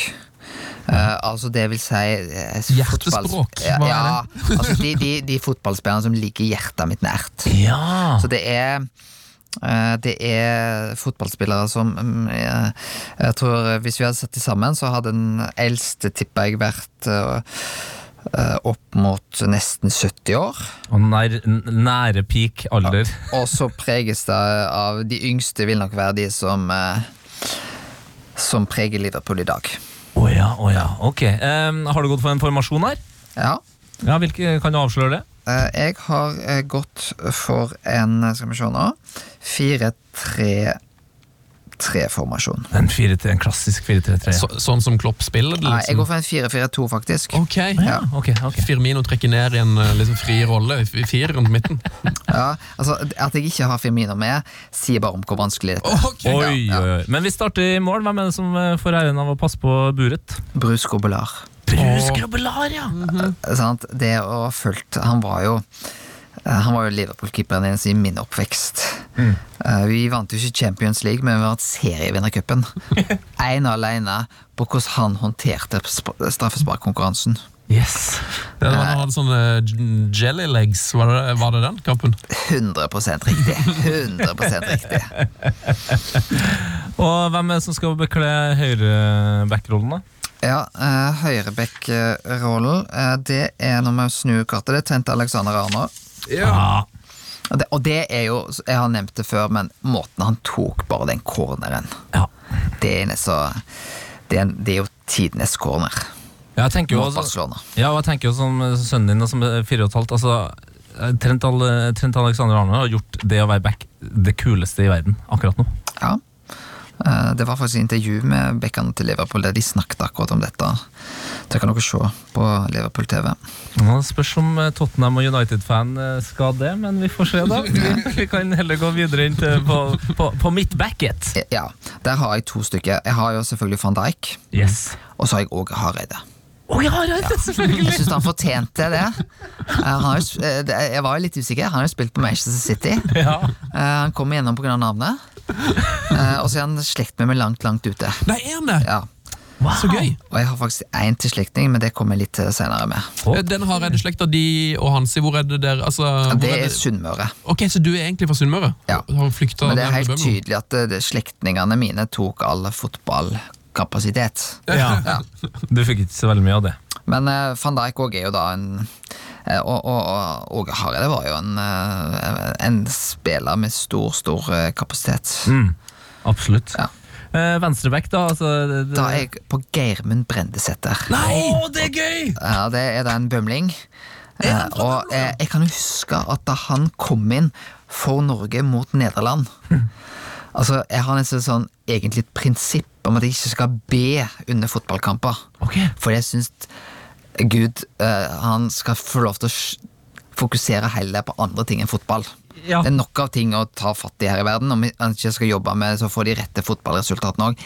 Men da Gemen Brendesæter fra Bømlo kom inn, og vi hadde 0-0 mot Nederland uh, Jeg husker at eh, den kampen ble vel kommentert som at Gud er norsk. Ja. Husker dere den kampen? Ja, ja, Ja, det ja. Er, nesten- er det, er det Sørloth eh, 91 eller noe sånt den, den tida der? Eh, nei, det er litt senere. Okay. Vi er på slutten av 90-tallet. Okay. Eh, og det var den kvalifiseringen der vi gikk til VM i 98, okay. eh, og Germund kom inn. Så, og han var, er jo Bømlos stolthet, og han spilte jo på Brann. Å, fantastisk. Men eh, hvordan gikk kampen? da? Den ble 0-0. Den ble 0-0! Ja, så det gikk bra. Eh, og Germund spilte bare de siste sju minuttene. Eh, og det gikk veldig bra. Og han var jo spilte, fikk jo en del landskamper. Men det er jo først og fremst som Brann-spiller eh, vi husker og stolt bømling. Ja, Nydelig fotballspiller. Da skal vi jo på midtbanen, som har blitt en firer. Ja, og der har jeg allerede sagt Fabinho, selvfølgelig. Det, det lå jo der. Ja. Eh, og um, Jordan Henderson får lov til eh, å bli med. Og så har jeg nesten slått opp med litt to eh, Den ene har jeg nevnt, Tom Lund. Måtte Yes. få lov til å bli med. Eh, og så har jeg faktisk et navn som heter Alain Jerez. Oh, ja. Eh, han spilte på Frankrike 82-84, og det er en av de første internasjonale spillere som jeg nesten lot meg veldig Ja. Eh, mm, jeg f- fulgte nettopp Ikke minst det spanske laget i 82-VM i Spania. Likte jeg veldig godt, og Alain Girez var favorittspilleren min der. Åh, deilig. God, det her er jo før min tid, men jeg husker, jeg husker navnet, og jeg googla nå. Ja, fin fotballspiller. Jeg tror han er fotballtrener i dag. Jeg lurer på om han er landslagstrener for eh, et Malta eller noe sånt. Uh, det, ja. Eh, Det skal jeg ikke si for sikkert, men eh, han har vært trener. Han har vært trener i PSG blant annet, men det er som midtbanespiller på Frankrike jeg trekker han fram. Han er veldig liten. Eller, det var ikke veldig liten, altså jeg tipper 1,65 eller noe sånt. Veldig flott teknikk. Hvor høy er du for, for øvrig? Hvor høy jeg er? Altså, jeg er 1,81. Du er jo en kjempe i forhold. Han var 1,62 Alan Girez ifølge. Google. Ja, jeg har alltid følt meg veldig 1,81, helt perfekt. Jesus, ifølge likkledet i Torino, var 1,82. Oh, ja. Men jeg har ofte, ofte Ah. følt meg litt mindre enn Jesus på mange måter. Akkurat én centimeter mindre enn Jesus. Ja, Det er sånn man holder seg ydmyk. takk for det. Og, og så har jeg måttet da to spisser. Yes. Uh, og eh, det er jo forferdelig å velge mellom de, eh, men jeg velger Mohammed Salah. Jeg tror ikke jeg kunne komme hjem til gutten min, Tor Olav, og ikke hatt med Salah. Nei, for han Så er, enkelt. han er. Favoritten. Ja, det, er- så, så, det, det er ingen tvil. Det, er- det er bare Salah. Men han kommer hjem fra barnehagen en dag, og så sier han 'Pappa, de sier at Messi er bedre enn Salah'. og da, det merker jeg det er vanskelig. Jeg må vise integritet i alle svarene. Ja. Og det å si 'nei, Salah er bedre enn Messi', det greide jeg ikke å si. Nei. Så du måtte Eh, si at uh, de andre i barnehagen hadde rett, eller? Uh, nei, nei, så langt uh, gikk jeg ikke. Så, så, det, det, det er, så, si, hvem er det beste laget? Og så sa jeg Liverpool slo Barcelona 4-0. Sala slo Messi 4-0, sa jeg. Så det er, det er, jeg hører at det er en fordel å være politiker når man er foreldre. Altså, så man får brukt politikersvarene. Ja. Men, eh, men, men jeg har ikke sagt altså at eh, Messi er veldig mye dårligere enn en Sala. Det føler jeg eh, Jeg lar meg imponere av, eh, av Messi, selv om han sleit jo litt nå mot eh, Real Madrid. da Ja, absolutt. Og så har jeg da den siste. Det er altså min tremenning. Din tremenning? Ja. Eh, landslagsspiller. Han har skåret tre mål mot Bayern München. Han skårte egentlig det fjerde målet, men gikk til dommeren og sa at det fjerde målet gikk på feil side av stanga, selv etter at dommeren hadde sånn, gikk altså, ved midtstreken. Arne Larsen Økland. Dolly Dimples-sjefen. Det stemmer. Wow! Er du i slekt med han? Er i tremenningen. Og jeg kan jo si at jeg husker fra min barndom på Bømlo at etter at han hadde skåret tre mål, egentlig fire, Ja. avlyste ene, så kom altså tysk TV til Bømlo for å lage reportasje. uh, og det er jo sånn at Arne Lars Økland han blir brukt i etikkforelesninger for det han gjorde. Og nettopp den 3-0-seieren Bayern Leverkusen over Bayern München, den er jo gått inn i historiebøkene på grunn av hans ja, gentleman. Wow. Uh, og han gjorde jo òg at Norge gikk til OL i Moskva. Utrolig. Han skårte det siste målet, tror jeg, i Bagnatal. Dessverre. Så, eh, dessverre, det var kanskje feil. Vi boikotta jo det OL. Så det var fint liten nytte av det målet. Men eh, Arne Lars Nøkland, han, eh, han er mm, Han har en helt spesiell posisjon på Bømlo. Jøsse navn. Det var stort. Han er jo Ja, for, for en legende. Ja, nå er jeg helt og, og jeg regner jo med at du har satt deg sjøl opp som eh, trener for det laget her. Ja, det har er Altså eh, eh, altså det, det, det står i ytterkanten av dette, så står det Klopp, så står det faktisk skråstrek Solskjær. Oh, ja, okay. Fordi ja, jeg er jo Liverpool-fan på min hals, men jeg er blant den Liverpool-fan som håper òg at Solskjær lykkes. Ja, Det må jeg bare innrømme. Så deilig. Eh, fordi at jeg, jeg, jeg har en sånn Jeg har jo sett på Ole Gunnar Solskjær, eh, og, og, og jeg får jo ikke en vond følelse av å se på den mannen. Eh, så, så dette er så, så, Men jeg tror jeg må være ærlig og si det er Klopp som er hovedtrener, Ja. og så er da Solskjær assistenten hans. Og så er du, er du materialforvalter, da? Eller er du samferdselsminister der òg, kanskje? Det er materialforvalter det er en super jobb for meg der. Altså det, det er jo liksom, det er gøy å være samferdselsminister, men hvis jeg hadde fått muligheten til å være materialforvalteren til Klopp, så hadde jeg nok valgt det.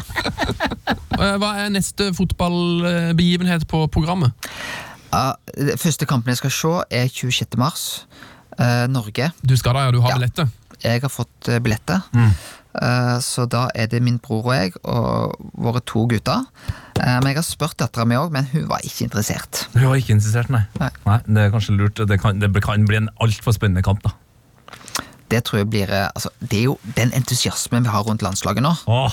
Den er jo fantastisk. Fordi dette har jo altså, Dere er jo altfor unge, men dette har jo gått veldig i bølgedaler. sant? Ja. Eh, og det er litt eh, herlig for oss å høre det eh, Han som jeg er onkel til, Emil, og gutten min Tord Olav, de synger jo Norge. Vi gir alt, ofrer alt om vi må. Eh, og det var jo den vi drev og sang på på 90-tallet. Eh, og nå er det en ny den er en slager tilbake igjen, vet du.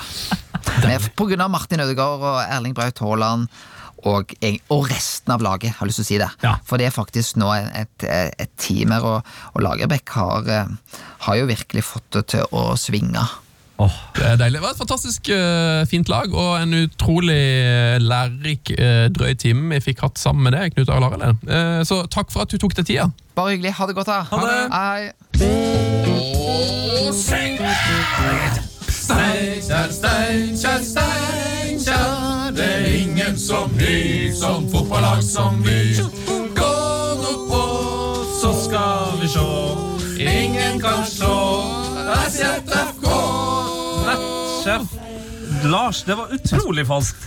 Var det? Ja, For å være en eh, mann av korens eh, venner, så må jeg innrømme at det var det Jeg synger jo diskant, som vi kaller det i Svartland. Hvor du synger, altså. Hvor du synger. Altså, eh, Var det s- lyden gikk inn i mitt høyre øre Ja. spesielt. eh, og Da- det var akkurat som det prøvde å dytte ut høyre øye. Hvis, eh, hvis det var så surt, så beklager vi. Vi, ja! Så du drar med oss alle ned i din uh, surhetsdeig. Så beklager Ja. Ellers? Bredt, eller? eh, Ja, det er bredt, ja. Vi får jævla mye tips.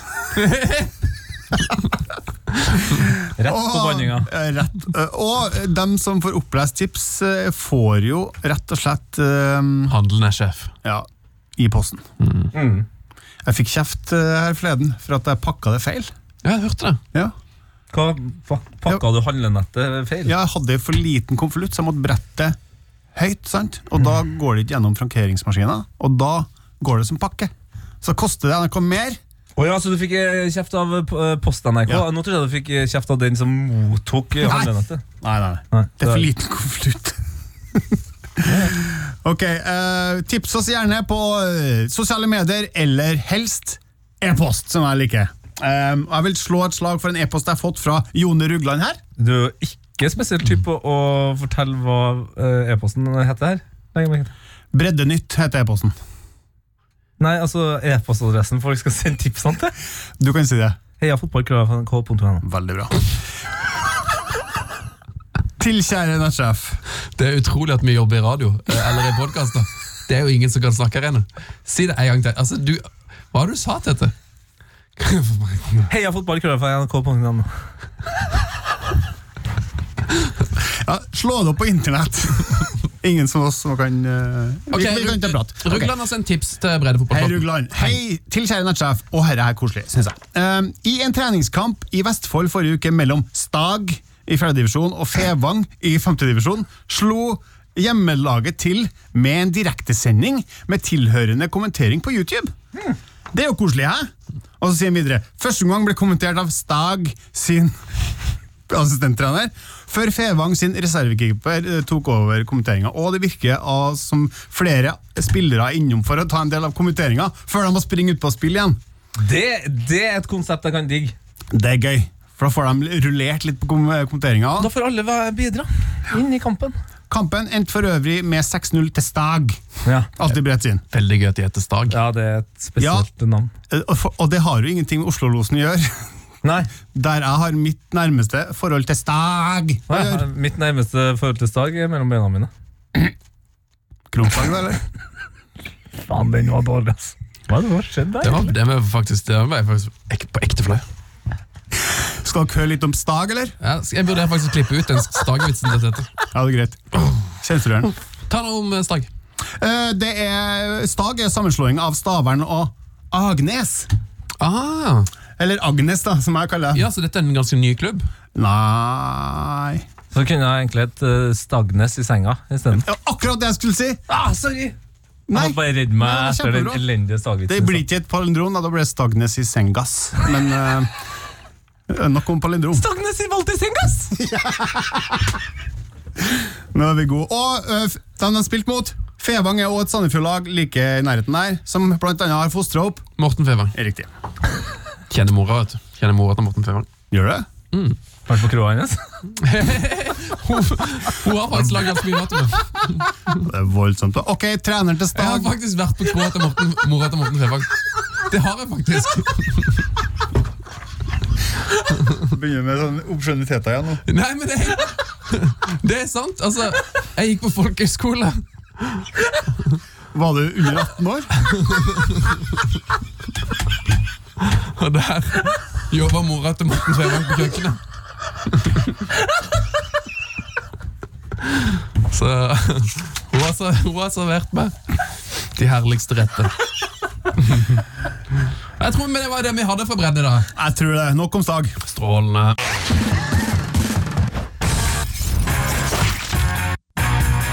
Heia fotballs glory hall. Velkommen til Heia Fotballs Glory Hall. Vår fantastiske hyllestklubb. En hyllestklubb som befinner seg på en planet med det deiligste, herligste og ikke minst fuktigste gress. Eh, Serenja jobber altså så hardt nå. I dag har jeg vært på jobb eh, og falt av jobbtoget. Og jeg kjenner at jeg henger fast i, i bakerste vogn. Og det er bra på podkasten snart er ferdig. Du er ikke helt, du er ikke helt uh, riktig pakka inn i det. Rett og slett. Daniel Bråten er der. Jeg støtter der. Ada Hegerberg som har eh, navnedag Er Batistuta der? når vi spiller inn. Ja. Batistuta. Så bra. Eh, har du en glory holder hjemme, så må du gjerne sende den inn til oss. E-postadressen er heiafotballkrøllalfa.nrk.no, og det har Daniel Danielsen gjort denne uka her. Eh, og det betyr eh, at du, Daniel Danielsen, eh, hvis du sender oss adressa di, så kommer der en Heia fotball-T-skjorte til deg i posten. Det er kongen, da. Og den eneste måten man kan få disse svært eksklusive Heia fotball-T-skjortene på. Ja, det, det er ingen det er å regel sende inn Glory Hall til oss Ja. uh, på e-post. Eller så vil jeg jo tro hvis du møter Tete på byen og spør om du kan kjøpe ei under bordet på det svarte markedet. Mm. En ørliten sjanse hvis prisen er høy nok for at du kan få en Heia fotball-T-skjorte, men det er Ja. egentlig ulovlig. Men det er jo altså, når du, når du møter en afrikaner på byen og uh, handler på det svarte markedet, så er det jo en mulighet. Da er det en mulighet. Større mulighet enn hvis de møter deg. Eh, ja. ja. Også sjansen for å møte det på byen er jo mye større enn å møte meg på byen. Nå! Nå! Det vil jeg si. Ok. Eh, skal vi bare kjøre på, da? Ja, gjerne. Jeg lener meg tilbake. Så deilig. Daniel Danielsen, altså. Glory Hole, har han skrevet. Mannen. Mannen med de mange fjes. Mannen. Mannen med de mange skadene. Mannen. Mannen som alltid ofrer hodet. Den utskjelte mannen. Fotballens quagmire, kalles han. Historien begynner i Preston, England. February 21th, 1992. 1992 der, altså. 21. februar. Gutten begynte sin ungdomstid i Blackburn i 2002 som tiåring. Der debuterte han i 2009 og rakk å få 35 kamper, til tross for en skade som holdt han ute i nesten fire måneder. Typisk.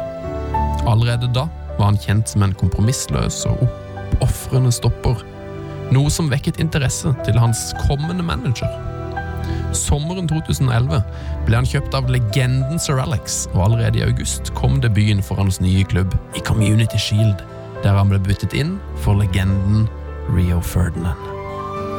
Mannen ble kalt opp til A-landslaget i en treningskamp på Nederland, men fikk ingen minutter her da kampen ble avlyst. Typisk.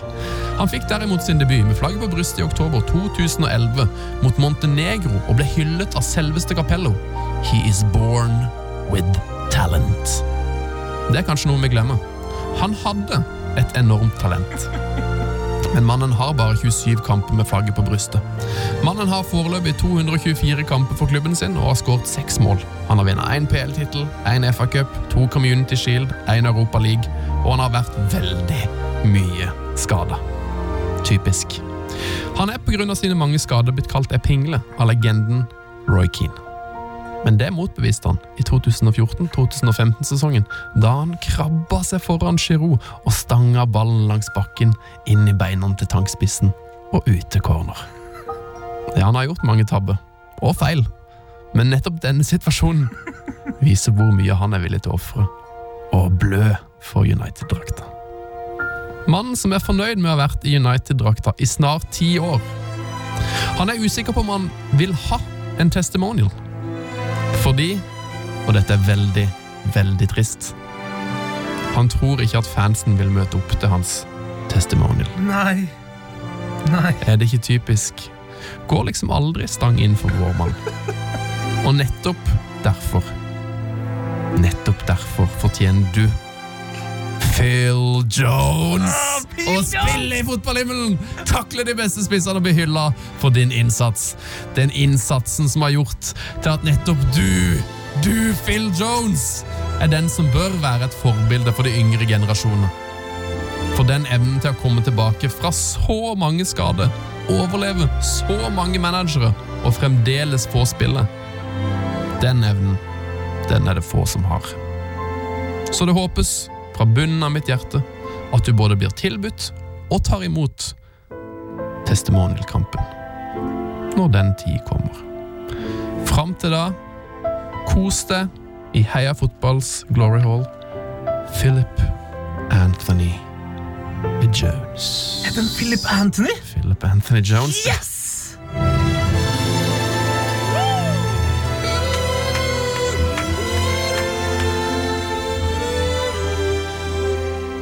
Litt trist.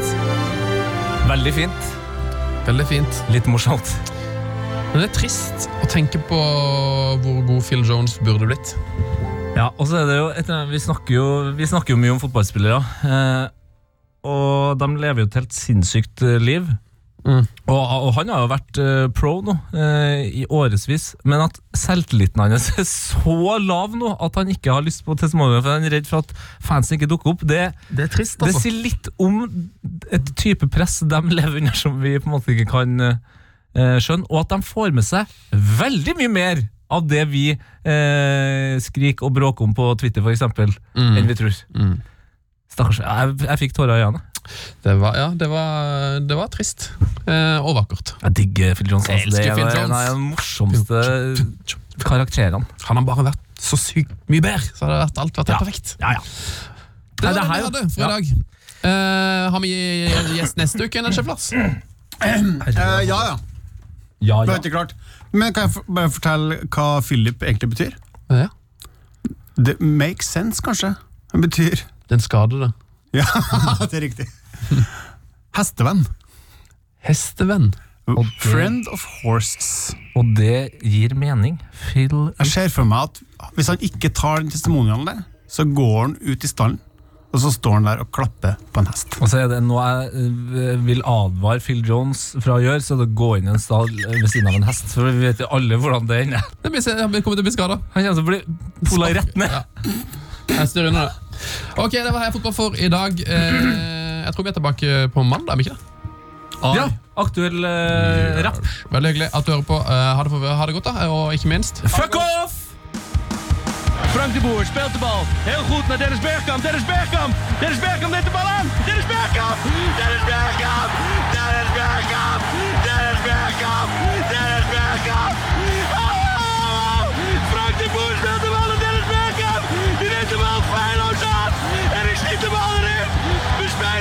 Michel 20 sekunder!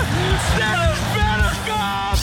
P3s Heia fotball i appen NRK Radio eller der du finner podkaster. P3.